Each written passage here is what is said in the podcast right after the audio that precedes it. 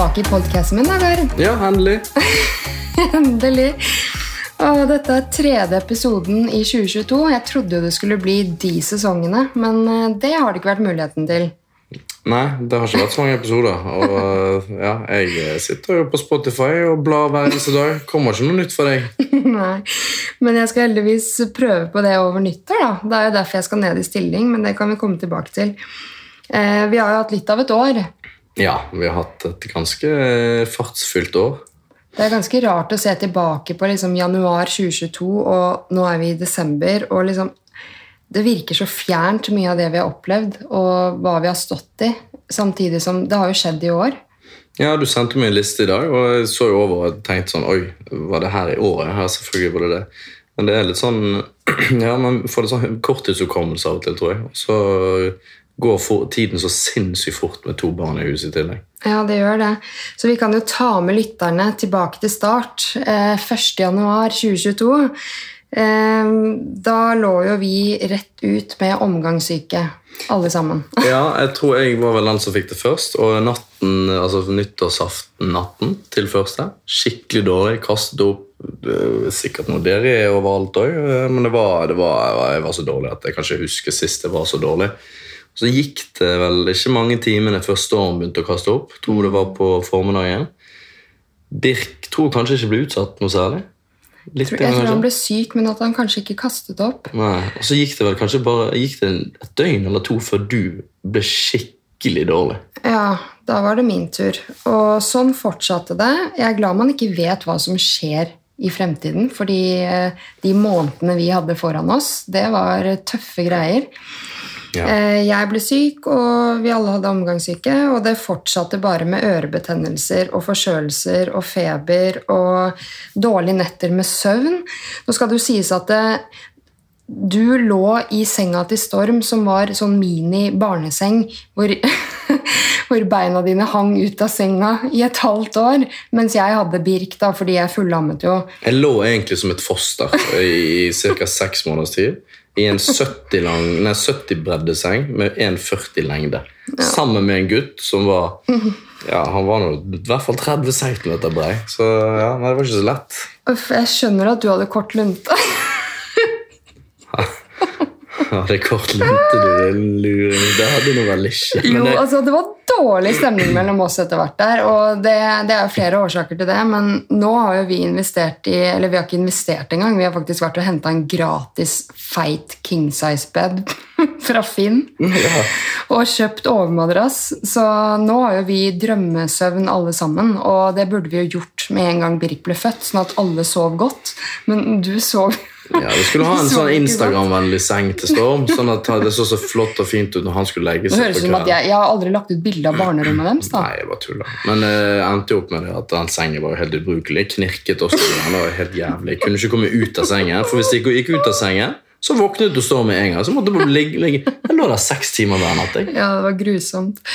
Nei, så liksom oppi all sykdommen og dårlig søvn, så ja, ble det jo ikke supergod stemning mellom oss. Og um, plutselig fikk vi korona, alle sammen. Jeg ble skikkelig dårlig. Ble du dårlig? Eh, nei, jeg ble ikke så verst. Jeg. jeg tror jeg hadde litt sånn symptomer i to-tre dager, og så var jeg borte. Ja, nei, jeg ble jo skikkelig dårlig, og gutta fikk det. Og um, eh, før vi fikk korona, var det vel, så bestilte vi en tur til eh, Dubai, som vi skulle dra på i to uker, og du hadde fått permisjon fra jobb. Eh, men så dagen før vi skulle dra til Dubai, eh, siden man måtte ha test 48 timer før avreise, eh, så tester vi fortsatt positivt etter fire uker.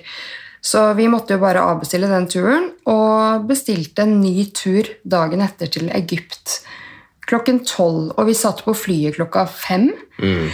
Eh, så jeg kom jo bare løpende inn i barnehagen til Storm da, og henter han ut og sier til de ansatte at eh, nei, flyet går om fire timer, og de bare ler av meg og syns sikkert jeg er klin gæren. Um, og da bare kjørte vi rett til Gardermoen og tok sånn hoppe på tur til Egypt. da. Mm. Um, det var liksom ikke drømmedestinasjonen. Uh, Kaldt var det også. ja, det var ganske Jeg trodde det kaldt. skulle være dritvarmt Vi hadde det jo ganske fint sånn, det var jo litt varmt, men, Ja, men det var de- ikke drømmedestinasjonen. De sa jo det at det var, de hadde aldri opplevd en så kald februar noensinne der nede. Så vi hadde maks uflaks de første ja, syv-åtte dagene i hvert fall. Ja, øh, Syns du det kosta mer enn det smakte at vi dro? Ja, litt. Eh, sånn i retrospekt så kanskje det Ja, det hadde sikkert holdt med en uke. Helst den siste uke. Ja, det Men, var kanskje litt lenge. Ja. Eh, men det som eh, liksom ble litt kjipt oppå det hele, var jo at eh, du la ved eh, Istedenfor å legge ved avbestillingsdokumentene fra Dubai da, til reiseforsikringsselskapet Fremtind, Så sendte bestillingsdokumentene til Sharm. Så vi fikk jo bare blank avvisning på å få tilbake pengene eh, som vi hadde betalt til Egypt. Og, Eh, og vi, Dubai. Nei, til Dubai, mener jeg. Og vi hadde jo legeerklæring. Vi hadde Alt var på vårt rene, så vi hadde ikke gjort noe gærent. For greia var at dagen etter vi egentlig skulle dra til Egypt, nei, til Dubai, så testet vi negativt. Så vi testet positivt én dag, og dagen etter negativt. Så vi, vi dro til Egypt, vi, og Ja, men Egypt hadde ikke samme regler, og problemet på den tiden der, så var det veldig mye rot med, med både forsikringssaker og ulike flyselskaper og uh, ulike innreiseregler til land med, med hva som, om man hadde korona eller ikke korona. Så var det noen land som ikke brydde seg, og andre land som måtte kreve en, en negativ test. Ja, det var veldig surrete, men eh, vi fikk jo to avvisninger av Fremtiden, og jeg ble så sur, og vi trenger ikke å gå i dybden på liksom hva som eh, skjedde der, men eh, jeg ble ganske sur på deg, og ja, ble, var kanskje litt frekk når det kom til hvordan du hadde formulert deg til de, men eh, det ordnet seg, fordi plutselig etter lang, lang tid så får jeg en tekstmelding av Fremtiden. Da er den og den summen satt inn på kontoen din.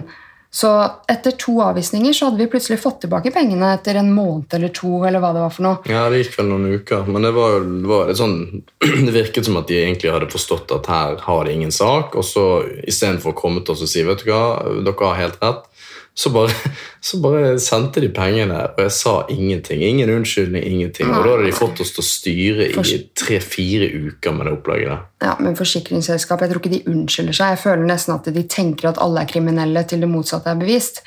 Og ja, det. det her er ikke god reklame for fremtiden, men det driter jeg i. Fordi de ga oss så mye stress. Jeg følte meg som en person fra Luksusfellen altså, som satt nede i Egypt og bare jodla der nede. Og det var sykt kjipt, så jeg skjønner hvordan folk som sliter økonomisk, eh, kan føle det. Fordi det å sitte med to reiser på seg når man vet at man har gjort ting riktig, det, er, eh, det var ikke gøy. ass. Og det skapte ganske dårlig stemning mellom oss. Men eh, så fort pengene var tilbake på konto, så føltes det litt bedre. Ja, ja. Det var jo på en måte ting i balanse igjen, men det var ja, det var ikke så lett å gå gjennom det der. Så ja. Nei. Og videre etter dette da, så tenkte jo jeg nå skal jeg satse på podkasten min og sånn og sånn, og spiller inn en episode med Peter Bubresco. Det var for så vidt før vi dro til Egypt. Men eh, Peter Bubresco fra God morgen Norge, han er jo jeg veldig fan av. Og ja, det ble ikke særlig mange episoder etter det, da, for å si det sånn, fordi livet skjer. og det har ikke vært tid til å spille en podkast. Men det jeg syns er så kult med Peter, er at jeg måtte spørre han eh, hva var det som gjorde at du takket ja til å gjeste? Eh, til å ta deg tid til å komme på fridagen din, liksom. Eh, for jeg blir litt nysgjerrig på det, da, siden jeg på en måte, jeg er jo bare en vanlig person, hvis du skjønner hva jeg mener. Ja, jeg skjønner hva du mener. Ja, og da er det liksom sånn Jeg blir så glad når folk tar seg tid til å ha lyst til å bidra i en podkast eller stille opp, da. Og han var bare sånn Nei, altså, jeg, jeg syns det er sykt hyggelig å hjelpe, og jeg bladde gjennom podkasten din og tenkte sånn Ja, selvfølgelig, her vil jeg bidra, liksom. Og, og det syns jeg er så kult. Ja, men det er jo fordi at du har altså, Jeg skal ikke sitte her og skryte av min egen samboer, og av det, men du har jo utrolig mange interessante gjester. Det er jo ingen tvil om det. Og det, når han ser den listen, så, så vil han selvfølgelig være en del av den, den gruppen der. Ja, du har fått veldig mange gjester inn. Ja, og det er jo Ja, jeg har jo sendt utrolig mye mails, og jeg skriver til folk på Instagram og prøver å få med meg mennesker som inspirerer meg. Eh, og så må man jo tåle å få et nei, da. Men Mm. eh, det er jo sjelden jeg egentlig får nei. Noen har jo på en måte vært litt sånn eh, Spør manageren min. Og så er jeg sånn Å, herregud, ok. Nei, du må ikke si det. Ja, Folk, ja, men folk har jo ikke tid til alt mulig. Og Nei, det blir spurt over alt. Ja, ja, ja, herregud. Og det er jo det jeg mener. Man må tåle å få et nei, fordi man kan ikke holde på med dette her hvis man ikke tåler å få et nei, da. Men eh, folk klarer vel å ta egne valg? Eller må en manager si ja eller nei? Nei, det, det, det der kanskje jeg det kan ikke uttale meg om. Jeg vet for lite. Det er kanskje de må gå gjennom noe. Eh, Ja. ja. Jeg har faktisk ikke peiling på det systemet der. Um, nei, men eh, etter eh, dette så gikk jo tiden, og jeg, jeg, jeg vil jo si at fra januar til april-mars så krangla vi ekstremt mye. Det var, vi hadde selvfølgelig fine dager, men det var utrolig mye dårlig stemning mellom oss. Mm. Ja, det var Jeg tror det hang litt igjen, egentlig nesten fra den der jævla forsikringssaken, som gjorde at vi vi var litt sånn etter hverandre, og jeg følte nok at du skyldte mye på meg, og jeg eh, følte det var urettferdig sant, i forhold til den saken der, og så, så bare hang det seg ved oss resten av eh, ja, våren. da. Ja, og jeg følte aldri at jeg kom meg oppå igjen etter korona. ehm, For jeg føler oppriktig at jeg ble så dårlig at det, det skjedde noe med hjernen min. At jeg forandra personlighet en periode. Ehm, Og hadde korte lunter, vi sov dårlig, det var mye sykdom, guttene var mye syke. Så når man ser tilbake på det, så er det jo sånn Å, selvfølgelig var det mye dårlig stemning, fordi vi var jo på minus. Men det, vi klarte ikke helt å se det der, fordi det var jo på et tidspunkt vi seriøst holdt på å gå fra hverandre. da. Ja, det, det var ganske røft der. Og vi, vi måtte jo ta en skikkelig alvorsprat. Um, der vi egentlig ble enige om at uh, nå er det all in eller all out. Og det var Da ble vi selvfølgelig enige om at det er all in, og nå sitter vi her heldigvis og er veldig glad for det. Fordi jeg tror, jeg tror det, det handlet om å ta et valg og slutte liksom å eh, Hver gang vi kranglet, så kunne vi gjerne opp med å si sånn Nei, nå, nå gidder jeg ikke med dette her greiene her. Dette er bare tullete forhold. forholdet jeg går, og du går. Og så, og så ble det til at vi hele tiden gjør hverandre usikre. Mer og mer usikre. Ja, men det har jo skjedd noen ganger når vi har kranglet opp gjennom at vi har vært sånn Det her gidder jeg ikke. Eh, man truer kanskje med å gå fra hverandre, men denne gangen var det jo faktisk veldig seriøst. Og litt familie ble jo innblanda igjen. Eh, og jeg kjente for første gang i vårt forhold at jeg var livredd for å miste deg. Og det, altså, det var så grusom følelse, samtidig som det fikk meg til å bare vet du hva, Nå skal jeg faen meg skjerpe meg. Det er ikke bare du som skal skjerpe deg. Eh, man kan kun ta, eh, klare å ta kontroll over sine egne reaksjoner eh, og hvordan man selv kan være i et parforhold. Eh, for det er så lett å peke finger på den andre. Og der har jo vi vært ganske gode på å på en måte skylde på hverandre. Det er din skyld at jeg er sånn, det er din skyld at jeg er sånn. Ja, vi har vært gode slash dårlige. Ja, dårlig, gode, eller hva det heter. Em, og man kommer jo ingen vei med det. Man må virkelig ha lyst til endring, da. Og jeg syns hele det, den starten på 2022 eh, klarte jeg ikke helt å se lys i tunnelen, fordi jeg syntes det var så ofte det var dårlig stemning. Og jeg savnet å liksom se det lyset, men jeg så det ikke.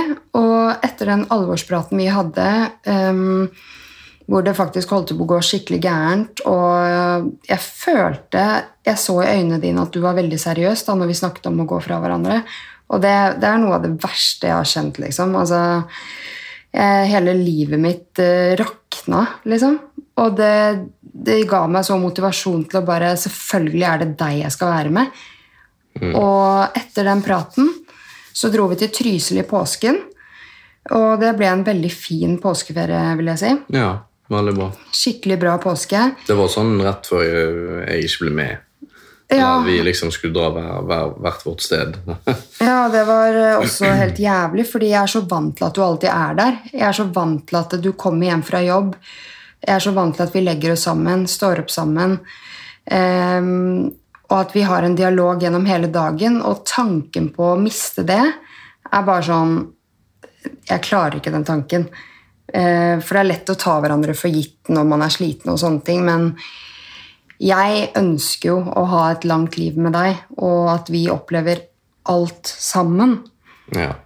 ja Jeg er også veldig glad for det at vi har innsett hvor viktig vi er for hverandre. Så etter det der så løsnet jo det ganske bra, egentlig. Det selvfølgelig det var en prosess å gå gjennom eh, inn mot sommeren og sånn. Um, Men eh, jeg tror den ferien vi også hadde i begynnelsen av eh, sommerferien, til slutten av juni, det var også en veldig fin Det var, det var en veldig bra start på sommerferien, egentlig.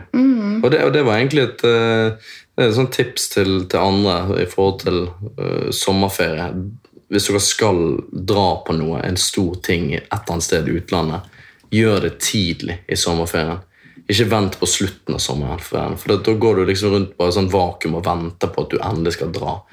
Og så når du kommer hjem igjen, så ikke du, har ikke du tid til å lande igjen før du skal begynne på jobb. Så, så jeg synes det var utrolig digg at de dro så tidlig. Og så når vi kom hjem igjen derfra, så var vi For vi var, på Rodos en uke? Nei, åtte dager. Åtte Eh, dager. åtte dager. Og så kom vi hjem og så ble vi på Fornebu i, Hver dag. i halvannen måned. eller? Ja, ja. ja. Vi, vi var bare her hjemme vi, og dro på stranda, og Ja, Helt fantastisk. det var helt uh, sinnssykt. Og det var ingenting vi skulle lenger plutselig. Sant? Vi hadde datt på den ene ferien vi hadde planlagt, og, og vi var fornøyde, og vi Ja, vi, det var utrolig digg, rett og Ja. slett. Og jeg bare merket at jeg, jeg nøyt hver dag. Det å ikke hige etter å være med på alt mulig hele tiden. Jeg møtte jo venner, jeg var sosial, dro inn til sentrum.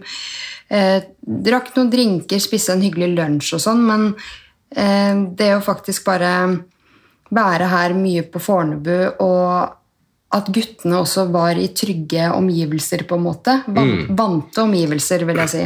Ja, det tror jeg er veldig lurt for dem når de er bare ett år, tre år eller rundt to og et halvt som stormer. da. Sant? Altså, det, det er ikke så mye de kan drive og gjøre uansett. Det holder for de med å gå innom barne, barnehagen og leke litt på, på morgenkvisten, sant? Eh, selv om det er stengt. Og så gjerne gå på stranden, som vi har muligheten til her, og inn i parken og sykle litt. altså det er jo mer enn nok action for de det. Og jeg, jeg syns det var så digg at du også fant roen med det. da, For det, det har jo kanskje vært litt av utfordringen din, er jo den å finne roen med å på en måte bli her. da. Ja, ja, jeg har eh, ofte vært eh, veldig urolig. Jeg skal gjøre mest mulig på kortest mulig tid, mens du har vært sånn Kan vi seriøst bare slappe av? Men rollene snudde jo lite grann, da, fordi du har jo savnet å være på fjellet, f.eks., eller dra på hytta, og vi har jo Vi er jo så heldige at vi har eh, både sted på Geilo, Trysil i Sverige, Bergen. Men jeg bare kjente at jeg hadde ikke lyst til å flytte på meg. Jeg hadde lyst til å være på Fornebu. Og bare dra på stranda eller være i altså, Ja, jeg syns eh, det var det som frista mest. Og jeg har ikke hatt en så bra sommer siden Ja, det er mange år siden jeg har hatt det så bra. Mm. Nei, jeg tenker vi bør gjøre det hvert år fremover. Altså, det, ta, hvis vi skal dra noe sted, dra, gjør det tidlig i sommerferien, og så lande og være hjemme eh, rett og slett eh, resten av ferien. Og det som var så fint, da, var at etter den sommeren her, på slutten av sommeren i august, så følte jo vi begge to at vi endelig kunne ringe familievernkontoret, da, som vi har gått på, ehm, og si at vi trenger ikke å sette oss opp på flere timer. Mm. Um, Ja, For da hadde du ikke vært der hele sommerferien uansett. sant? ja, vi hadde ikke vært bra. der, og vi hadde hatt det kjempebra over lang, lang tid. Så eh, jeg har jo vært veldig avhengig av parterapeuten vår og følt at det er oss tre. Men det er jo ikke sånn at vi kan være avhengig av noen andre for at vi skal holde sammen. Eh, til syvende og sist så må vi klare det selv, og endelig da følte jeg at eh, nå kan vi faktisk droppe å sette oss opp på flere timer og bare si takk for oss, vi skal eh, ha lav terskel for å kontakte dere hvis vi trenger det igjen, men vi trenger dere ikke lenger. Mm. Eh, og det gjorde jo også at vi syntes det ble interessant å begynne å planlegge bryllup, så vi var ganske hypa på det eh, en periode. Men så har vi jo diskutert litt frem og tilbake. Eh, er det verdt å gifte seg i 2024? Altså, vi har jo vært og sett på Farris bad og noen flere steder.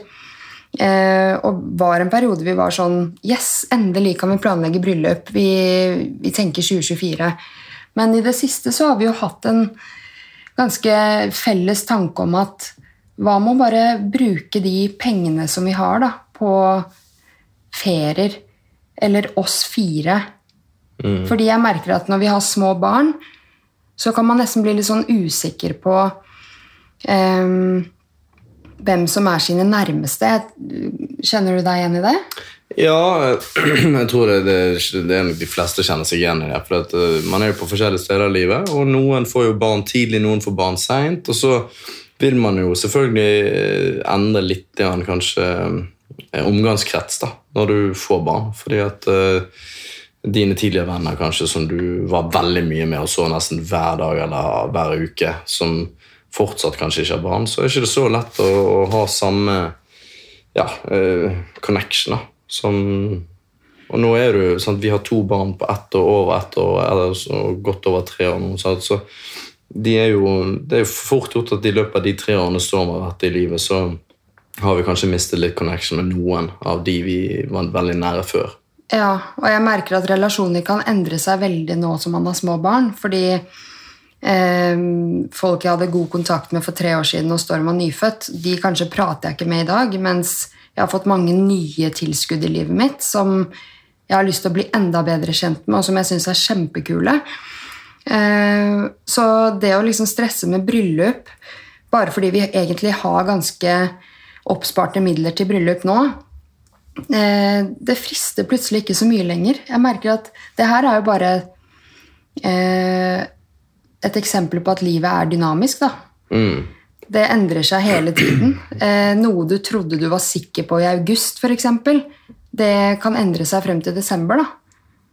Ja, og så tror jeg det, det handler litt om å altså En ting er å leve i nuet, da, sant? og så kan man jo kunne planlegge enkelte ting. Og så skal, skal det være en sånn balanse mellom det, de to tingene. At man ikke bare kaster penger ut vinduet med en gang man får noe inn på konto. Men litt annet der at i hvert fall når det er oss fire som det er nå, så er det oss fire som er det viktigste i livene våre.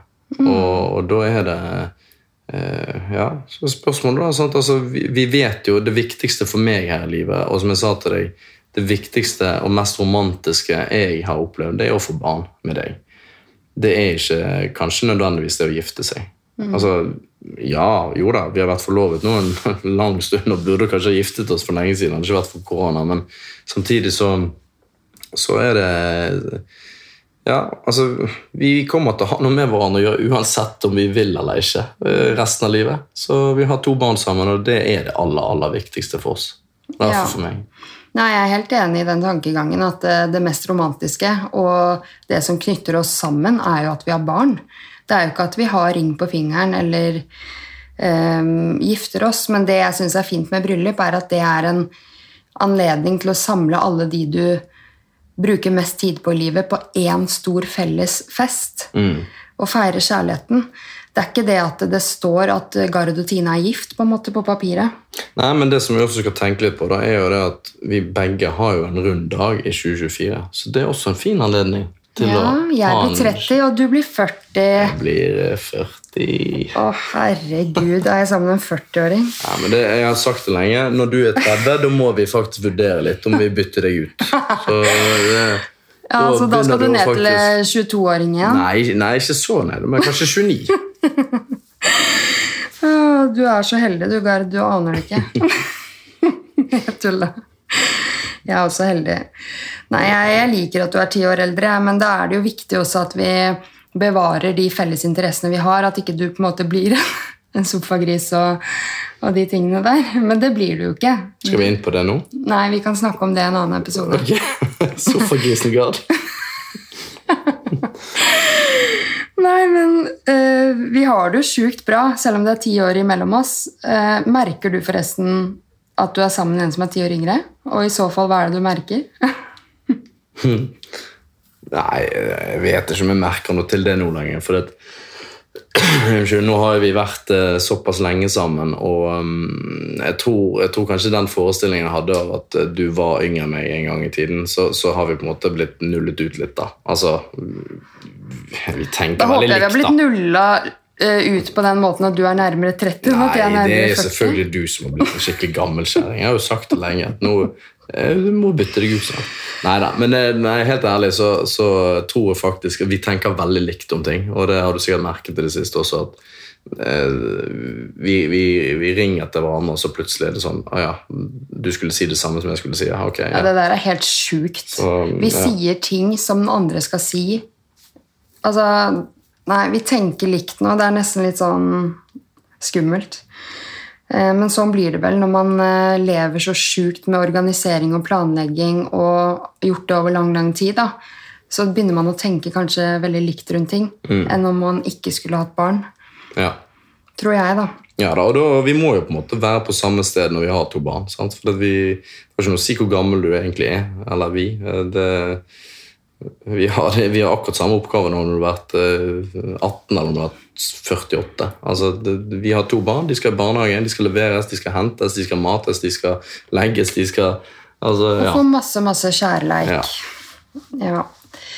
Um, men så kom jo høsten, da. Em, og jeg hadde jo søkt jobber før sommerferien. Altså Hvis folk hadde sett den søkehistorikken min, så hadde de tenkt at jeg var manisk, fordi jeg søker på så utrolig mye greier. Men er det én ting jeg har visst at jeg har lyst til, så er det å jobbe i skolehelsetjenesten. Hvis jeg skal jobbe som sykepleier, da. Um, så der uh, fikk jeg jo jobb, og Eh, sykt glad for det. Nå jobber vi begge i skolehelsetjenesten, så det er jo ganske sånn fleksi hverdag, på en måte. Heter det at jeg jobber i skolehelsetjenesten? Nei, du, ikke jeg jobber i skolehelsetjenesten. nei, du jobber i skole. Ja, jeg er, jeg er svømmetrener på, på Norges toppidrettsgymnas. Det er litt helse, det òg, da. Ja, det er faktisk ganske mye Ja, men du, det, jobber, jeg, har noen, jeg har noen prater i løpet av uken. Jeg, også. ja, du er jo litt uh, terapeut for de eh, svømmerne dine på en måte òg. Det, det er ikke bare trening, trening, trening. Du skal jo på en måte følge dem opp med psykisk helse og fysisk helse og alt mulig. Så vi har jo litt like jobber, selv om jeg har andre oppgaver også, da. Ja. Um, og samtidig som jeg begynte i ny jobb, uh, så begynte jo Birk i barnehagen og skulle ha tilvenning. Um, og han gråt jo hver dag når jeg leverte han. Og jeg skulle sette meg inn i to nye skoler, siden jeg jobba på to ungdomsskoler. Eh, og, men jeg trivdes så utrolig godt på jobben, så det, det var ikke det at jeg var noe stressa av den grunn. Men de fire første ukene i september så var jeg nesten ikke ute i frisk luft. Jeg rakk ikke å trene, for det var så intenst med eh, to barn i barnehagen plutselig, og masse jeg skulle sette meg inn i. Så jeg, jeg merket veldig det at eh, eh, nå må jeg finne en rutine på få trening inn i hverdagen igjen. Fordi jeg kan ikke leve med å bare stå opp, levere, dra på jobb, komme hjem inne, inne, inne. Jeg var jo ikke ute i frisk luft nesten på fire uker. Mm. Så det merket jeg veldig, da. Og så begynte vi å avtale å legge gode rutiner på at jeg eh, skulle få trene tre dager før jobb eh, mens du leverte, og så er det jeg som henter tre dager i barnehagen. Eh, ja, sånn at det går opp i opp, på en måte, da. Mm.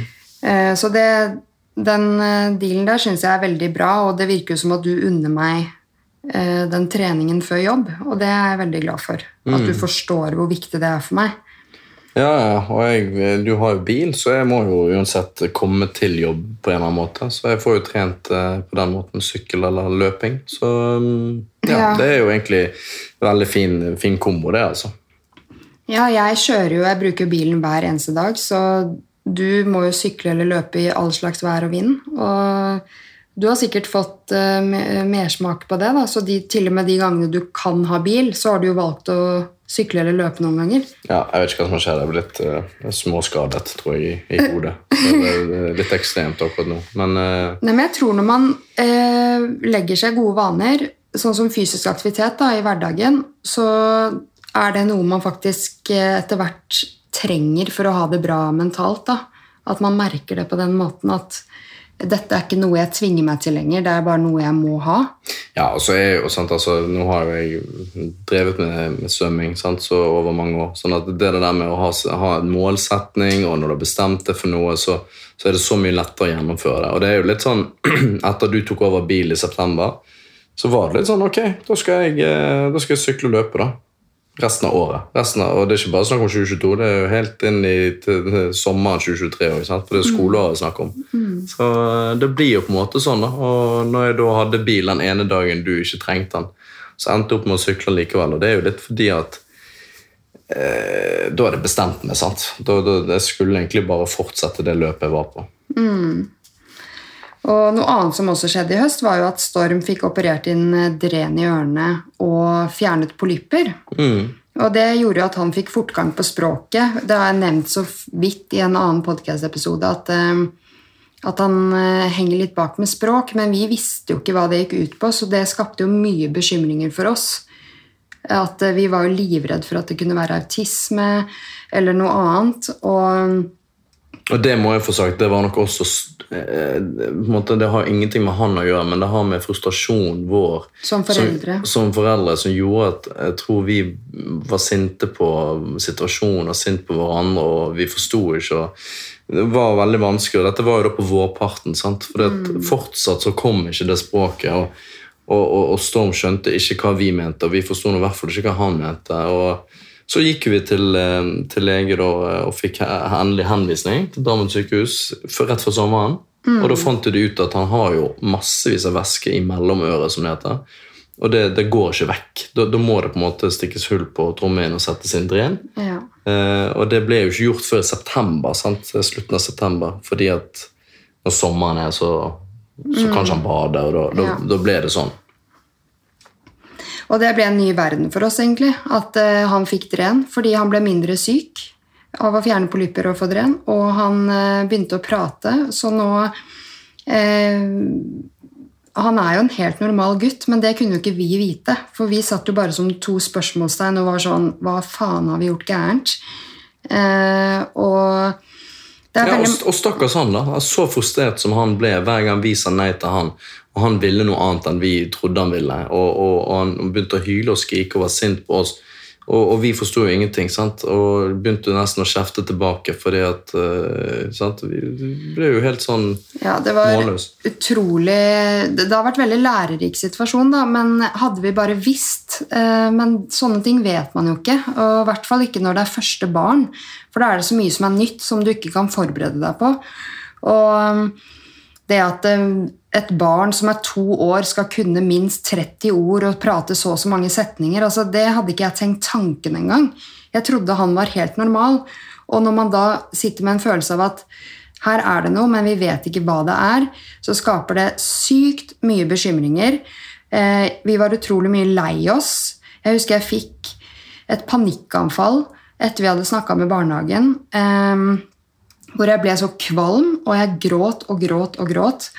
Og du ble, eh, prøvde først å trøste, men så ble du irritert, for du følte ikke at jeg hørte hva du sa. Og eh, jeg bare fikk rett og slett et skikkelig panikkanfall og begynte å tenke tilbake. Hvordan er det, Hva har vi gjort eh, siden Storm ble født? Hva er det vi, er det vi har mangla å gjøre? Hva er det vi burde gjort bedre? Eh, har vi gitt for mye skjerm? Og så begynte jeg å tenke på faen, han har jo fått skjerm i tre timer noen ganger i strekk. Han har fått skjerm på vei opp til hytta. Eh, vi burde aldri gjort det. Og det var så mye sånn eh, Hva har vi gjort gærent? Men og, det, og, dette var jo før vi fikk vite om at han faktisk hadde vann i Ja, ja, dette væske, var lenge da. før vi visste at han hadde masse væske i ørene. Så det glemte vi å nevne, men på våren så tok vi vekk TV i tre måneder. Ja, ja. Altså, jeg sier til Gard eh, nå skal den TV-en ned. Jeg er så lei av at eh, Storm har lyst til å se på barne-TV. Eh, nå skal vi peke i bøker, og vi skal leke og vi skal leke og vi skal leke. Eh, og du bare Faen, det er ingen egentid lenger! Og det også skapte en liten diskusjon. Men jeg bare TV-en skal ned! Så TV-en var nede da i tre måneder, og vi satt her med en sånn derre tom eh, sånn derre Altså, vi satt her med et hull i veggen. For det, ja, ikke direkte hull, men det så ut som det var helt svart der bak. For Før hadde vi svart maling på den veggen der, og nå har vi lys. Og så har vi selvfølgelig ikke giddet å male bak TV-en, for der skal jo den stå.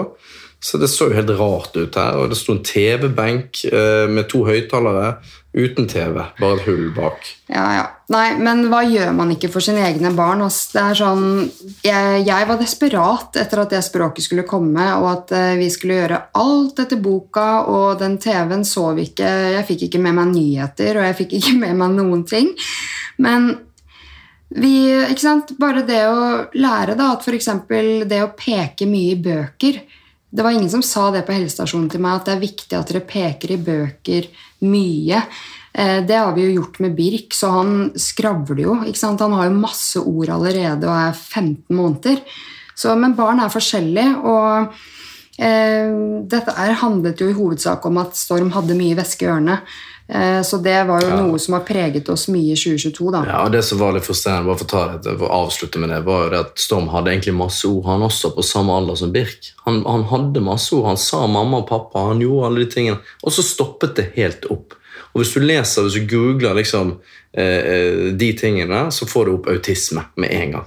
Altså hvis, hvis barn mister språket sitt i en alder rundt 15-16-17-18 måneder, ja, da er det tegn på autisme. Så det er jo ikke rart vi blir bekymret. Sant? Og så kommer barnehagen inn i bildet, og de anbefaler at. PPT skal inn, og det er ikke måte på hvor mye greier som er galt med den gutten vår. Og så viser det seg det at alt han trengte, var et dren, og nå er jo Fy søren, så bra det er. Altså, nå har jo ting løsnet, og han har ikke vært syk i hele høst. Kanskje en halv gang. altså Så vidt litt grann forkjølet. Men that's it. Her har jeg faktisk lyst til å nevne at Vi var jo på helsestasjonen, og der møtte vi på Anette Dragland, som jobbet i 50% stilling. Hun har podkasten 'Leger om livet' og jobbet da 50 eh, ved siden av det å starte opp podkasten sin. Og jeg visste ikke den gangen at hun eh, drev podkast. For meg så var hun bare legen på helsestasjonen. Eh, Så jeg husker jeg sa til deg når vi gikk ut, eh, og Storm hadde vært på sånn toårskontroll hos henne, så sier jeg hun må jeg ha som gjest i podkasten. Ja, stemmer. Og så dukker hun opp på Instagram noen måneder senere, eh, og jeg bare Gard, se, det er Anette Dragland, det er jo legen til Storm, hun har podkast, og, og så viser det seg at hun bor her ute, og Men i hvert fall hun Hun skal forresten gjeste podkasten min over nyttår, så det gleder jeg meg veldig til. Men hun eh, var aldri bekymra. Husker du det? Ja. Hun var veldig tydelig på at eh, eh, her er det ikke noe gærent. Bare gi det et halvt års tid. Dere kommer til å være gjennom en tøff periode nå, men det kommer til å bli bedre. Eh, og hun hadde helt rett. Hun hadde helt rett, men det trengtes også å sette Sindre igjen. Og det var på en måte det som virkelig gjorde at ting ble bedre. da. Men ja, hun hadde helt rett. Men det er frustrerende å stå i det de seks månedene som det tok. Ja, ja, ja. Eller mer for vår del. Men ja. Ja, nei, Det viser jo bare at det er utrolig mye man ikke kan forberede seg på som foreldre. Og det skjer så mye uforutsigbart. Så jeg skjønner jo på en måte at eh, foreldre havner i mange ulike konflikter eller dårlige perioder og sånn, men det er liksom jeg har sagt før, da, at eh, vi må huske på at småbarnsperioden er unntakstilstand, og at man må jobbe sammen som et team, og ikke bare flykte fra hverandre når ting blir vanskelig. Mm. Fordi vi har jo holdt på å gå den veien mange ganger. Ikke nå lenger. Ikke nå, da. Nå føler jeg at vi, er, eh, vi har selvfølgelig dårlige dager, men ikke sånn som det var før. Det er lenge siden. Og så vet vi jo ikke hva vi møter på i fremtiden. Eh, Men jeg vet i hvert fall at eh, jeg ønsker å være sammen med deg, og jeg blir fortsatt glad når du kommer hjem fra jobb. Jeg blir fortsatt glad når jeg ser deg. Jeg har fortsatt lyst på deg. Og alle de tingene der er så sykt viktig å huske på hvis man vurderer liksom å tenke at eh, gresset er grønnere på andre siden. Ja, og jeg tror jo også litt det der med at vi begynte å tenke oss om at fy søren, skal, skal vi stå i dette her alene? Eh, 50 og se ungene 50% bare. Det er ganske triste saker. Um, og når du opplever at eh, enten kollegaer eller venner som kanskje er i den situasjonen sjøl, så vet du at det her er det her er kanskje beste snarveien ut av dette her. Eh, akkurat her og nå så er det å bare kutte kontakten med deg eller gå ut av forholdet er det beste, men på lang sikt Fy søren. Det er det siste jeg kunne tenkt meg. Å se Ja. guttene så lite og ikke være at vi er to om ting. Sant? Så Nei, det er oss fire. Det er Ja. oss fire. Kan vi være enige om det? Ja, det, det er helt enig i det. Elsker deg. Jeg elsker deg. Ehm, men videre da, så um, fikk jo Storm Dreen, som jeg nevnte, og um, så fikk vi en, eller jeg fikk en eh, ny runde med korona, og Birk ble dårlig mens jeg hadde korona, så jeg rakk aldri å hente meg inn før han ble skikkelig dårlig. Og så ble han innlagt på sykehus, og der fikk han jo påvist tre virus til. Ehm, så det ble jo korona, RS-virus, enterovirus og adenovirus. Eh, og det var også en ganske tøff uke, syns jeg. Det kan man si. Eh, Jeg hadde jo i tillegg vært borte fire dager på, på NM i svømming. Og så når jeg kom hjem da på søndagen, så var jo du helt skjørt. For du hadde hatt korona hele uken egentlig og hadde jo null energi. Og Birk var begynt å bli ganske dårlig på søndag. Var han, han var skikkelig dårlig på søndagen når jeg kom hjem. Og så på mandag så kjørte jo han da til Drammen eh, barnesykehus, eller hva det heter. Eh, og rett inn der, og de skjønte jo alvoret ganske fort, heldigvis. Så de tok tester på han og fikk eh, sånn eh, eh, high flow, som det heter. Oksygenet opp i nesen for å få fortgang i eh, oksygenmetningen. For den var veldig lav, og pulsen hans var høy. Han lå med 170 puls egentlig helt siden vi kom inn tidlig på formiddagen og helt til han sovnet seint på kvelden. Eh, Så det var en ganske ekkel opplevelse. Han fikk sonde med, med intravenøst, eh, både med smertestille og med mat, selvfølgelig. Melk. Ja, så det var, en, det var en skikkelig tøff opplevelse. Mm. og så, så endte det med at du måtte ta over dag to. Og når jeg kom hjem da til Storm, så fikk jo han noe greier ut av øret sitt. Noe væskeopplegg, så jeg trodde jo trommehinnen hans hadde røket til. Eller jeg skjønte jo ingenting. Jeg fikk i tillegg eh, omgangssyke, så jeg var dårlig i eh, 24-36 timer der og spydde og hadde diaré. Mens Storm var hjemme med meg, og jeg klarte ikke å bevege meg fra sofaen engang. Og du var på sykehus med Birk. Mm. så det var, og den uken der var Det var en røff uke i november. Ja, det var røff uke, og det som var at selv om Birk ble frisk igjen etter hvert, så følte jeg at det hang igjen så mye ehm, Altså, jeg var så på minus etter det sykehusopplegget. Og mm, jeg følte at hjernen min var helt tåkete etter korona. Jeg husker når du drev og snakka til meg, så var det sånn Hører du hva jeg sier, egentlig? Og jeg brukte lang tid på å svare deg og bare Hæ, hva sa du nå? Og jeg datt ut av samtaler, så hver gang jeg prøvde å si deg noe, så hadde jeg glemt hva jeg hadde sagt. Og det var helt sånn Jeg følte at jeg hadde alzheimer. Altså, det var helt grusomt. Eh, og jeg var så lav på energi. og og jeg trodde liksom, ok, dette går over, alle har dårlige perioder, på en måte, og ja, det har jo gått over, men det viste seg å skulle vare i fire uker, da, så jeg endte jo med å dra til legen forrige uke for å bare ta blodprøver og ha en samtale og si at eh, jeg har følt meg veldig flat i humøret. Eh, jeg har følt meg veldig nedstemt.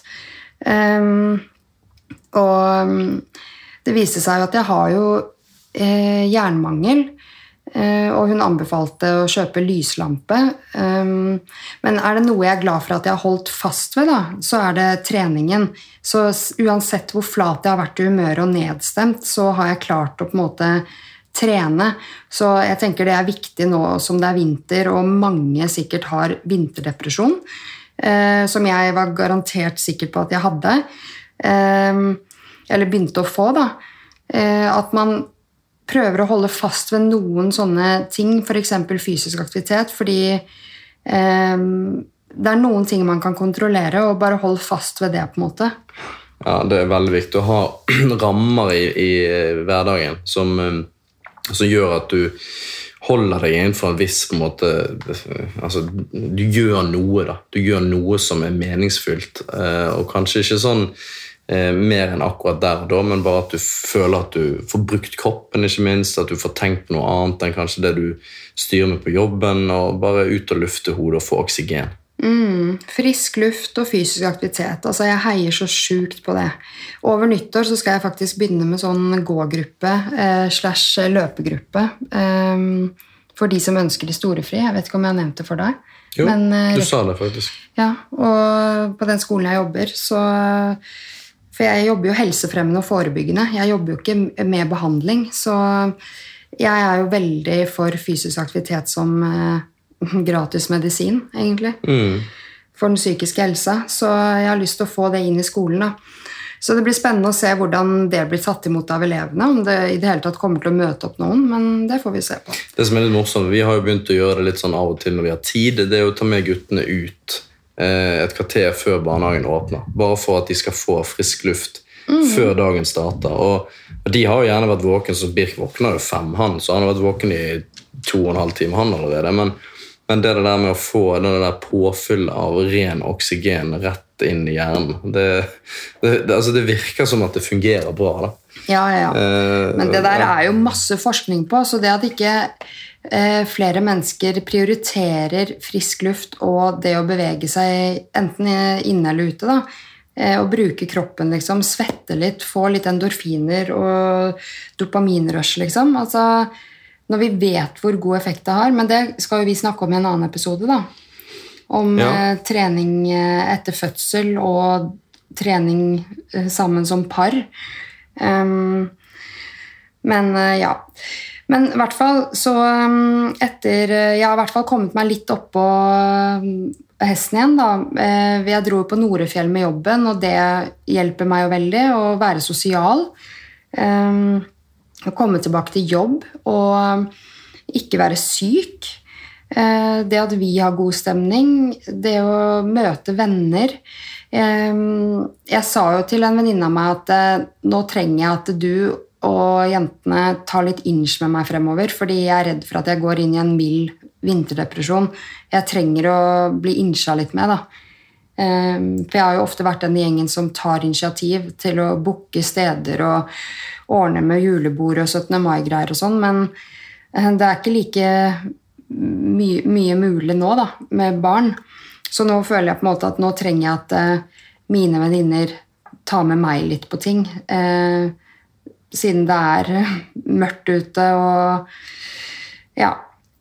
I hvert fall når det har vært eh, lange perioder med sykdom.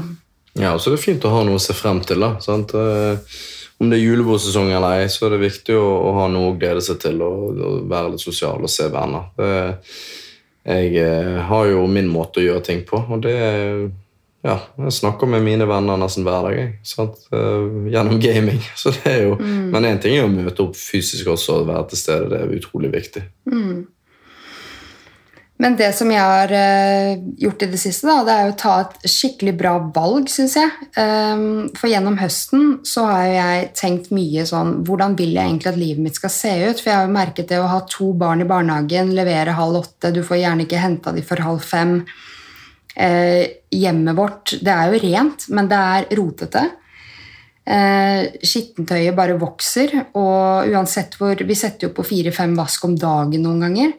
Like, Ja, det, det, det bygger seg opp en liten sånn stabel med, med klær der. Men jeg tror jo, sånn som vi, vi holder det ganske godt i, gang nå, selv om du jobber 100 og vi begge jobber 100% så klarer vi å få, få det til å gå rundt, men det, det koster litt mer enn det smaker kanskje til tider.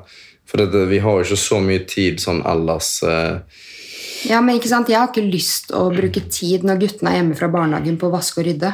Da har jeg lyst til å være med de og ha skikkelig kvalitetstid med de, og jeg merker at med 100% stilling på begge to, så er det vanskelig. Og når jeg tok opp med deg at jeg har lyst til å gå ned i stilling, så var du først litt negativ, men jeg tror jeg tok det opp på et litt sånn stressende tidspunkt. Og når jeg forklarte deg at eh, jeg hadde en podkast-drøm i 2018 som ble realitet i 2019, og som jeg eh, eh, startet i 2020. Eh, den har jeg ikke fått noe tid til, nesten. Og i hvert fall ikke i 2022. Eh, jeg har lyst å kunne ha, storhandle. Bare tenk hvor uøkonomiske vi har vært i lang, lang tid nå med å småhandle eh, på Meny istedenfor å faktisk ta en storhandel på Rema 1000, liksom. Bare sånne ting.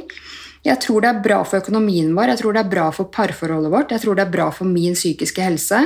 Og jeg tror det er viktig å stoppe opp og kjenne etter hva er det man vil noen ganger.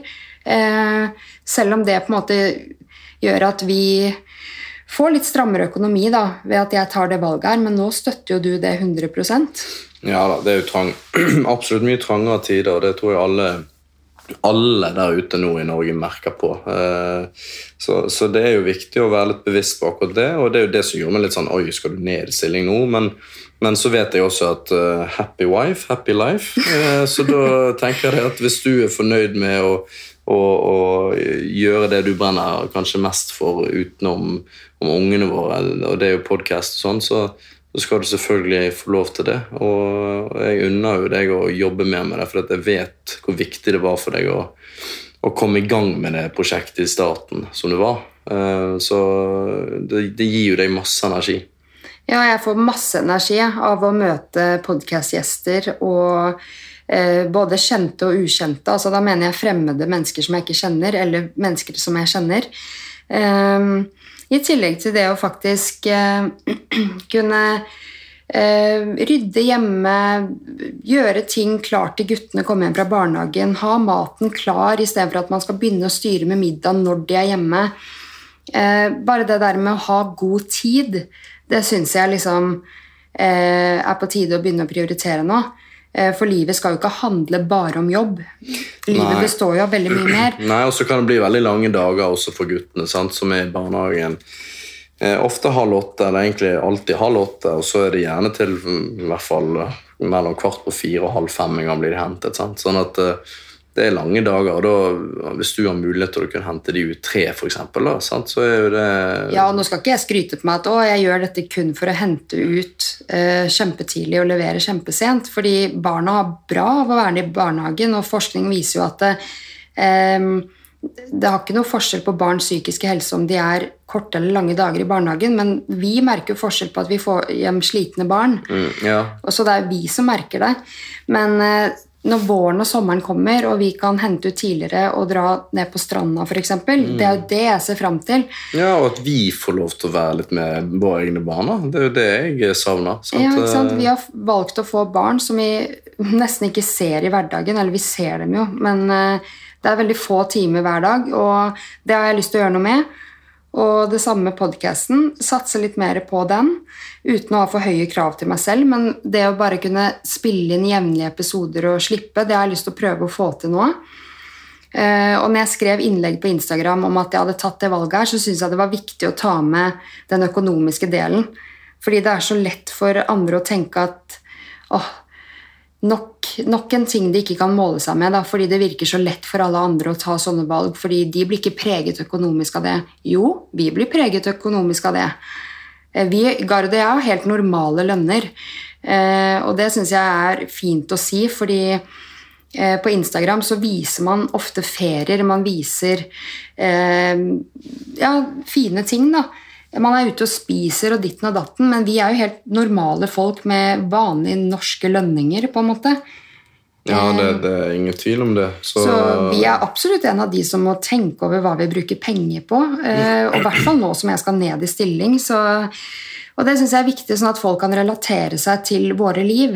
Fordi hvis vi fronter ting som at ting virker så enkelt og Nei, vi kan bare gå ned til 60% stilling, og vi blir ikke preget økonomisk av det så føler jeg at eh, da, da, kjenner ikke folk seg igjen i våre liv. Nei, og det er veldig bra at du nevner, for jeg, må si at jeg er møkk lei av å se folk som mm, fremstår som de har mer penger enn de egentlig har, og bare for å sette seg sjøl i et godt lys. Og det er ingen vits i å gjøre det, fordi at det er altså, Vi er alle mennesker. Alle forstår at det er trange tider om dagen, og det er ikke noe vits i å drive og late som ikke. Mm. Så bare vær ærlig med dere sjøl og alle andre der ute. Det er ikke noe å skamme seg over i det hele tatt. Det er, sånn er det bare. Ja, Det er bra at du også sier det. Jeg føler vi har ganske likt syn og holdninger på det. Eh, og det er derfor vi også er så åpne i podcaster. Eh, fordi For det første elsker jeg å være åpen. Du syns kanskje jeg er litt for åpen noen ganger, men du er vant til meg nå. Eh, og altså De episodene jeg får mest tilbakemeldinger på, er jo de vi to har sammen. Og det tror jeg er fordi at når vi deler ting, enten det er foreldrerollen eller parterapi, eller at ting ikke er så jævla glansfullt som alle tror, og det med økonomi også, eh, så får folk eh, Ja, de føler at Å ja.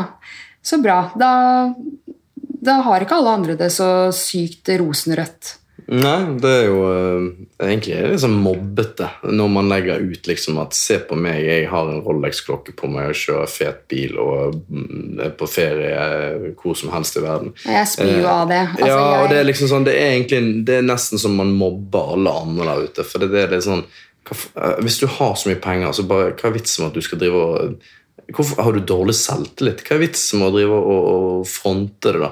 Eh, men jeg, jeg, sier jo ikke at vi skal fronte at vi er fattige heller. Er vi er ikke fattige. Nei, nei, nei, nei, men eh, Vi skal jo ikke fronte det heller, men det handler på en måte om å Normalisere at, vi er, ja, normalisere at vi er normale mennesker. Jeg, blir, jeg merker jeg blir litt sånn engasjert der, for det irriterer meg ganske mye om folk som, som er på Instagram også, eller sosiale medier, og så skal de hele tiden fremstå så forbanna perfekt. Mm. Det finnes ikke perfekte liv. Og det, vi ser jo det med ungene våre. Som, ja, de er de nydeligste barna i verden, og vi legger gjerne ut fine bilder av dem. fordi at de er utrolig skjønne, disse ungene våre. Synes vi, i hvert fall på fine dager, og når de ikke sparker oss i foten og er sint. Men, men, det handler på en måte om at eh, ja, Vi prøver jo da på en måte å vise at ja, vi har fine unger, men vi har jo også problemer, vi som alle andre. Ja, Jeg bare elsker det å normalisere ting. Normalisere livet. For livet går opp og ned, og det er det jeg ville få frem i denne episoden. at vi har delt både de krevende tidene våre nå i 2022, som det har vært ganske mye av, og så har vi selvfølgelig hatt mange fine dager òg. Og det er sånn livet er, og det er sånn livet er for alle. Og det er derfor jeg er litt sånn Jeg er jo nesten ikke på Instagram lenger, for jeg syns det har blitt en sånn derre eh, Jeg syns det er så mye Det er ikke så ekte, liksom. Eh, nå høres det ut som at jeg også deler masse fake, og det er ikke det. Jeg deler jo ting fra fine opplevelser og ting, jeg også, men jeg bare Jeg skjønner jo at folk eh, eh, blir negativt påvirket av det, hvis ikke de klarer å tenke at eh, dette var bare et millisekund av, en, av et døgn. Ja, og det, Dette kan vi sikkert ta i neste runde når vi skal snakke om trening, og sånn, men akkurat det der er et veldig viktig tema når det kommer til unge. Og Jeg trener jo unge utøvere, og jeg ser jo påvirkningsgraden som, som eh, disse Kall de hva dere vil, influenser eller whatever. Men poenget er det at de, de, er faktisk det er giftig. Det er så giftig. Og det, er så, det gjelder jo ikke bare å trene, det gjelder om det vi snakker om nå også. at Slutt å følge folk som rett og slett eh, bare gir dere dårlig selvtillit. For det er ingen som har det perfekt der ute. Så da er det like greit å bare innse det, og så, og så slette Instagram eller bli ferdig med det. Altså, Jeg er på nippet til å gjøre det sjøl. Jeg orker ikke å se på meg. Ikke at jeg blir særlig påvirket, egentlig, men jeg, bare, jeg er så drittlei. Drittlei av å følge med på alt mulig og scrolle rundt omkring. Mm. Jeg har lyst til å se TV 2-nyhetene. Jeg er snart 40 år. Jeg, snart, nå er jeg snart over på NRK istedenfor og ser de. Se distriktsnyhetene, til og med. Så jeg er ferdig med det der eh, Zoom-opplegget. Ja, Nei, jeg, altså jeg har sånn love-hate-forhold til det. Jeg, jeg syns det er en perfekt plattform å kunne spre kunnskap eller eh, lære ting hvis man følger riktig folk. Men jeg får ikke noe ut av å følge liksom, dyre klær og dyr livsstil og sånne ting. Altså, det er ikke der jeg blir influenced. Jeg blir influenced når folk er eh, skikkelig åpne og ærlige om ting. Uten å ha noe sånn fasade og ja, prøver å heve seg over andre, da. Mm, ja. Men eh, det siste jeg vil avslutte episoden med, da vi, eh, Føler du at du har lært noe i 2022? Er, hva er det du har lyst til å ta med deg inn i det nye året? Ja, nei, altså Det jeg har lært, er jo på en måte at ting har jo eh, blitt veldig bra. Uh, egentlig. Når man bare gir det litt tid. Og da tenker jeg særlig på dette med, med Storm og, og hørselen hans. og det at han har begynt å, å, kommunisere med oss på en normal måte etter hvert. Um, det har vært utrolig deilig. Og så er det litt sånn, Nå har vi en til som er litt over ett, så det kan jo være vi ender opp med at han også får væske i ørene og samme utfordringer. Da, da, vet vi hvordan vi skal håndtere det på en helt annen måte. eller i hvert fall, Da vet vi hva det kan være. sant? Så det er noe jeg vil ta med meg. at uh, Ha litt tålmodighet med ting og ikke bli stresset for alt mulig. Og så er det en ting jeg fortalte deg om her i går, var det vel? Litt dette med å eh, når vi begynner å stresse rundt guttene eller stresse rundt hverandre, om det er et eller annet vi skal ut døren eller ting må skje, så, så merker jeg det at eh, hvis begge to stresser og blir mer og mer eh, intens, så blir det bare mye, mye verre. Så Det jeg har lyst til å ta med meg inn i neste år, at jeg i hvert fall klarer å roe helt ned. Hvis du aser deg opp, ok, greit, men jeg skal prøve å bevare roen så godt som mulig. Og skal prøve å få deg også etter hvert til å hvis det kan hjelpe deg da, til å finne litt ro i sånne stressende situasjoner. For det med to barn så er det veldig mye stressende situasjoner, og hvis vi skal la oss stresse av det hele tiden, da kommer ikke vi til å ha det bra, rett og slett.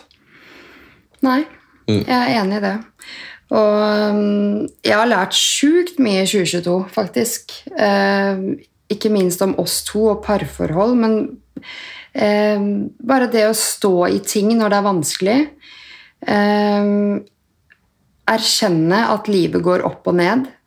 Eh, for det gjør at man blir mer motstandsdyktig når man møter på utfordringer. For vi kommer til å møte på mange flere utfordringer, og da gjelder det å være motstandsdyktig. Um, og ikke grave seg ned i de mørkeste periodene, men bare godta at livet har heftige kontraster. Mm, og um, det å ta gode valg for seg selv, sånn som jeg har gjort nå, med å prøve å gå ned til 60% Og går det ikke, på en måte, blir det på en måte altfor stramt økonomisk eller whatever, så kan jeg alltid få noen ekstra vakter. Altså, det å bare følge magefølelsen, hva er det jeg trenger i livet mitt nå? Å ta gode valg for seg selv, det er liksom noe av det beste jeg har lært i år. Mm. Ja. Jeg har lært mye, jeg også, men jeg kommer ikke på alt her i en fei. Men det er nok, jeg tror nok at eh, jeg også har jo kanskje litt erfaring med, med livet. Ti år mer erfaring. sant? Ja, det så, så det kan nok være en del ting av de tingene du, du nevner nå som jeg kjenner at ja, men det her har jo på en måte reflektert over før. Men, men, men det er jo sant. Det er jo viktig å reflektere på nytt også over ting du allerede vet. Så ta det med deg videre uansett. Så i 2023 så er planen å bruke mer tid på podkasten og ting jeg har savnet å gjøre mer av. Eh, Jeg har lyst også at vi skal eh, utvikle oss enda mer som par og godta at eh, parforhold også går opp og ned, og støtte hverandre i gode dager. Eh, Og bare fortsette å ha ja, harmoni i hverdagen, for jeg syns det er elsker når vi har harmoni i hverdagen. Og bare nå som vi har begynt å se på Pernie, den anbefaler jeg sterkt. Eh, legge seg sammen om kvelden og ha noe felles. Um, åh, det er, jeg elsker det. Ja, det har vært en fin desember hittil. Veldig bra. Så jeg jeg tror julestemningen er her nå, og vi har eh, lys på terrassen, og det er snø der ute, og det er, ja, det, det er veldig koselig. Så jeg tror desember kan bli en eh, skikkelig bra måned nå. Da vil jeg bare avslutte til dere lytterne og si at jeg håper dere får en fin jul og en skikkelig bra start på 2023. Ta gode valg for dere selv, og så håper jeg dere vil følge podkasten videre. Ha det! Ha det godt!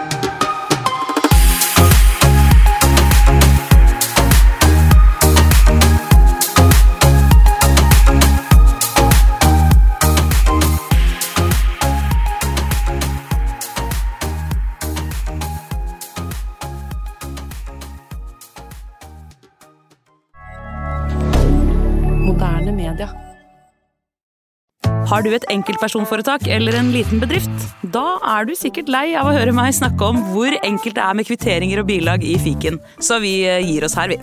Fordi vi liker enkelt. Fiken superenkelt regnskap.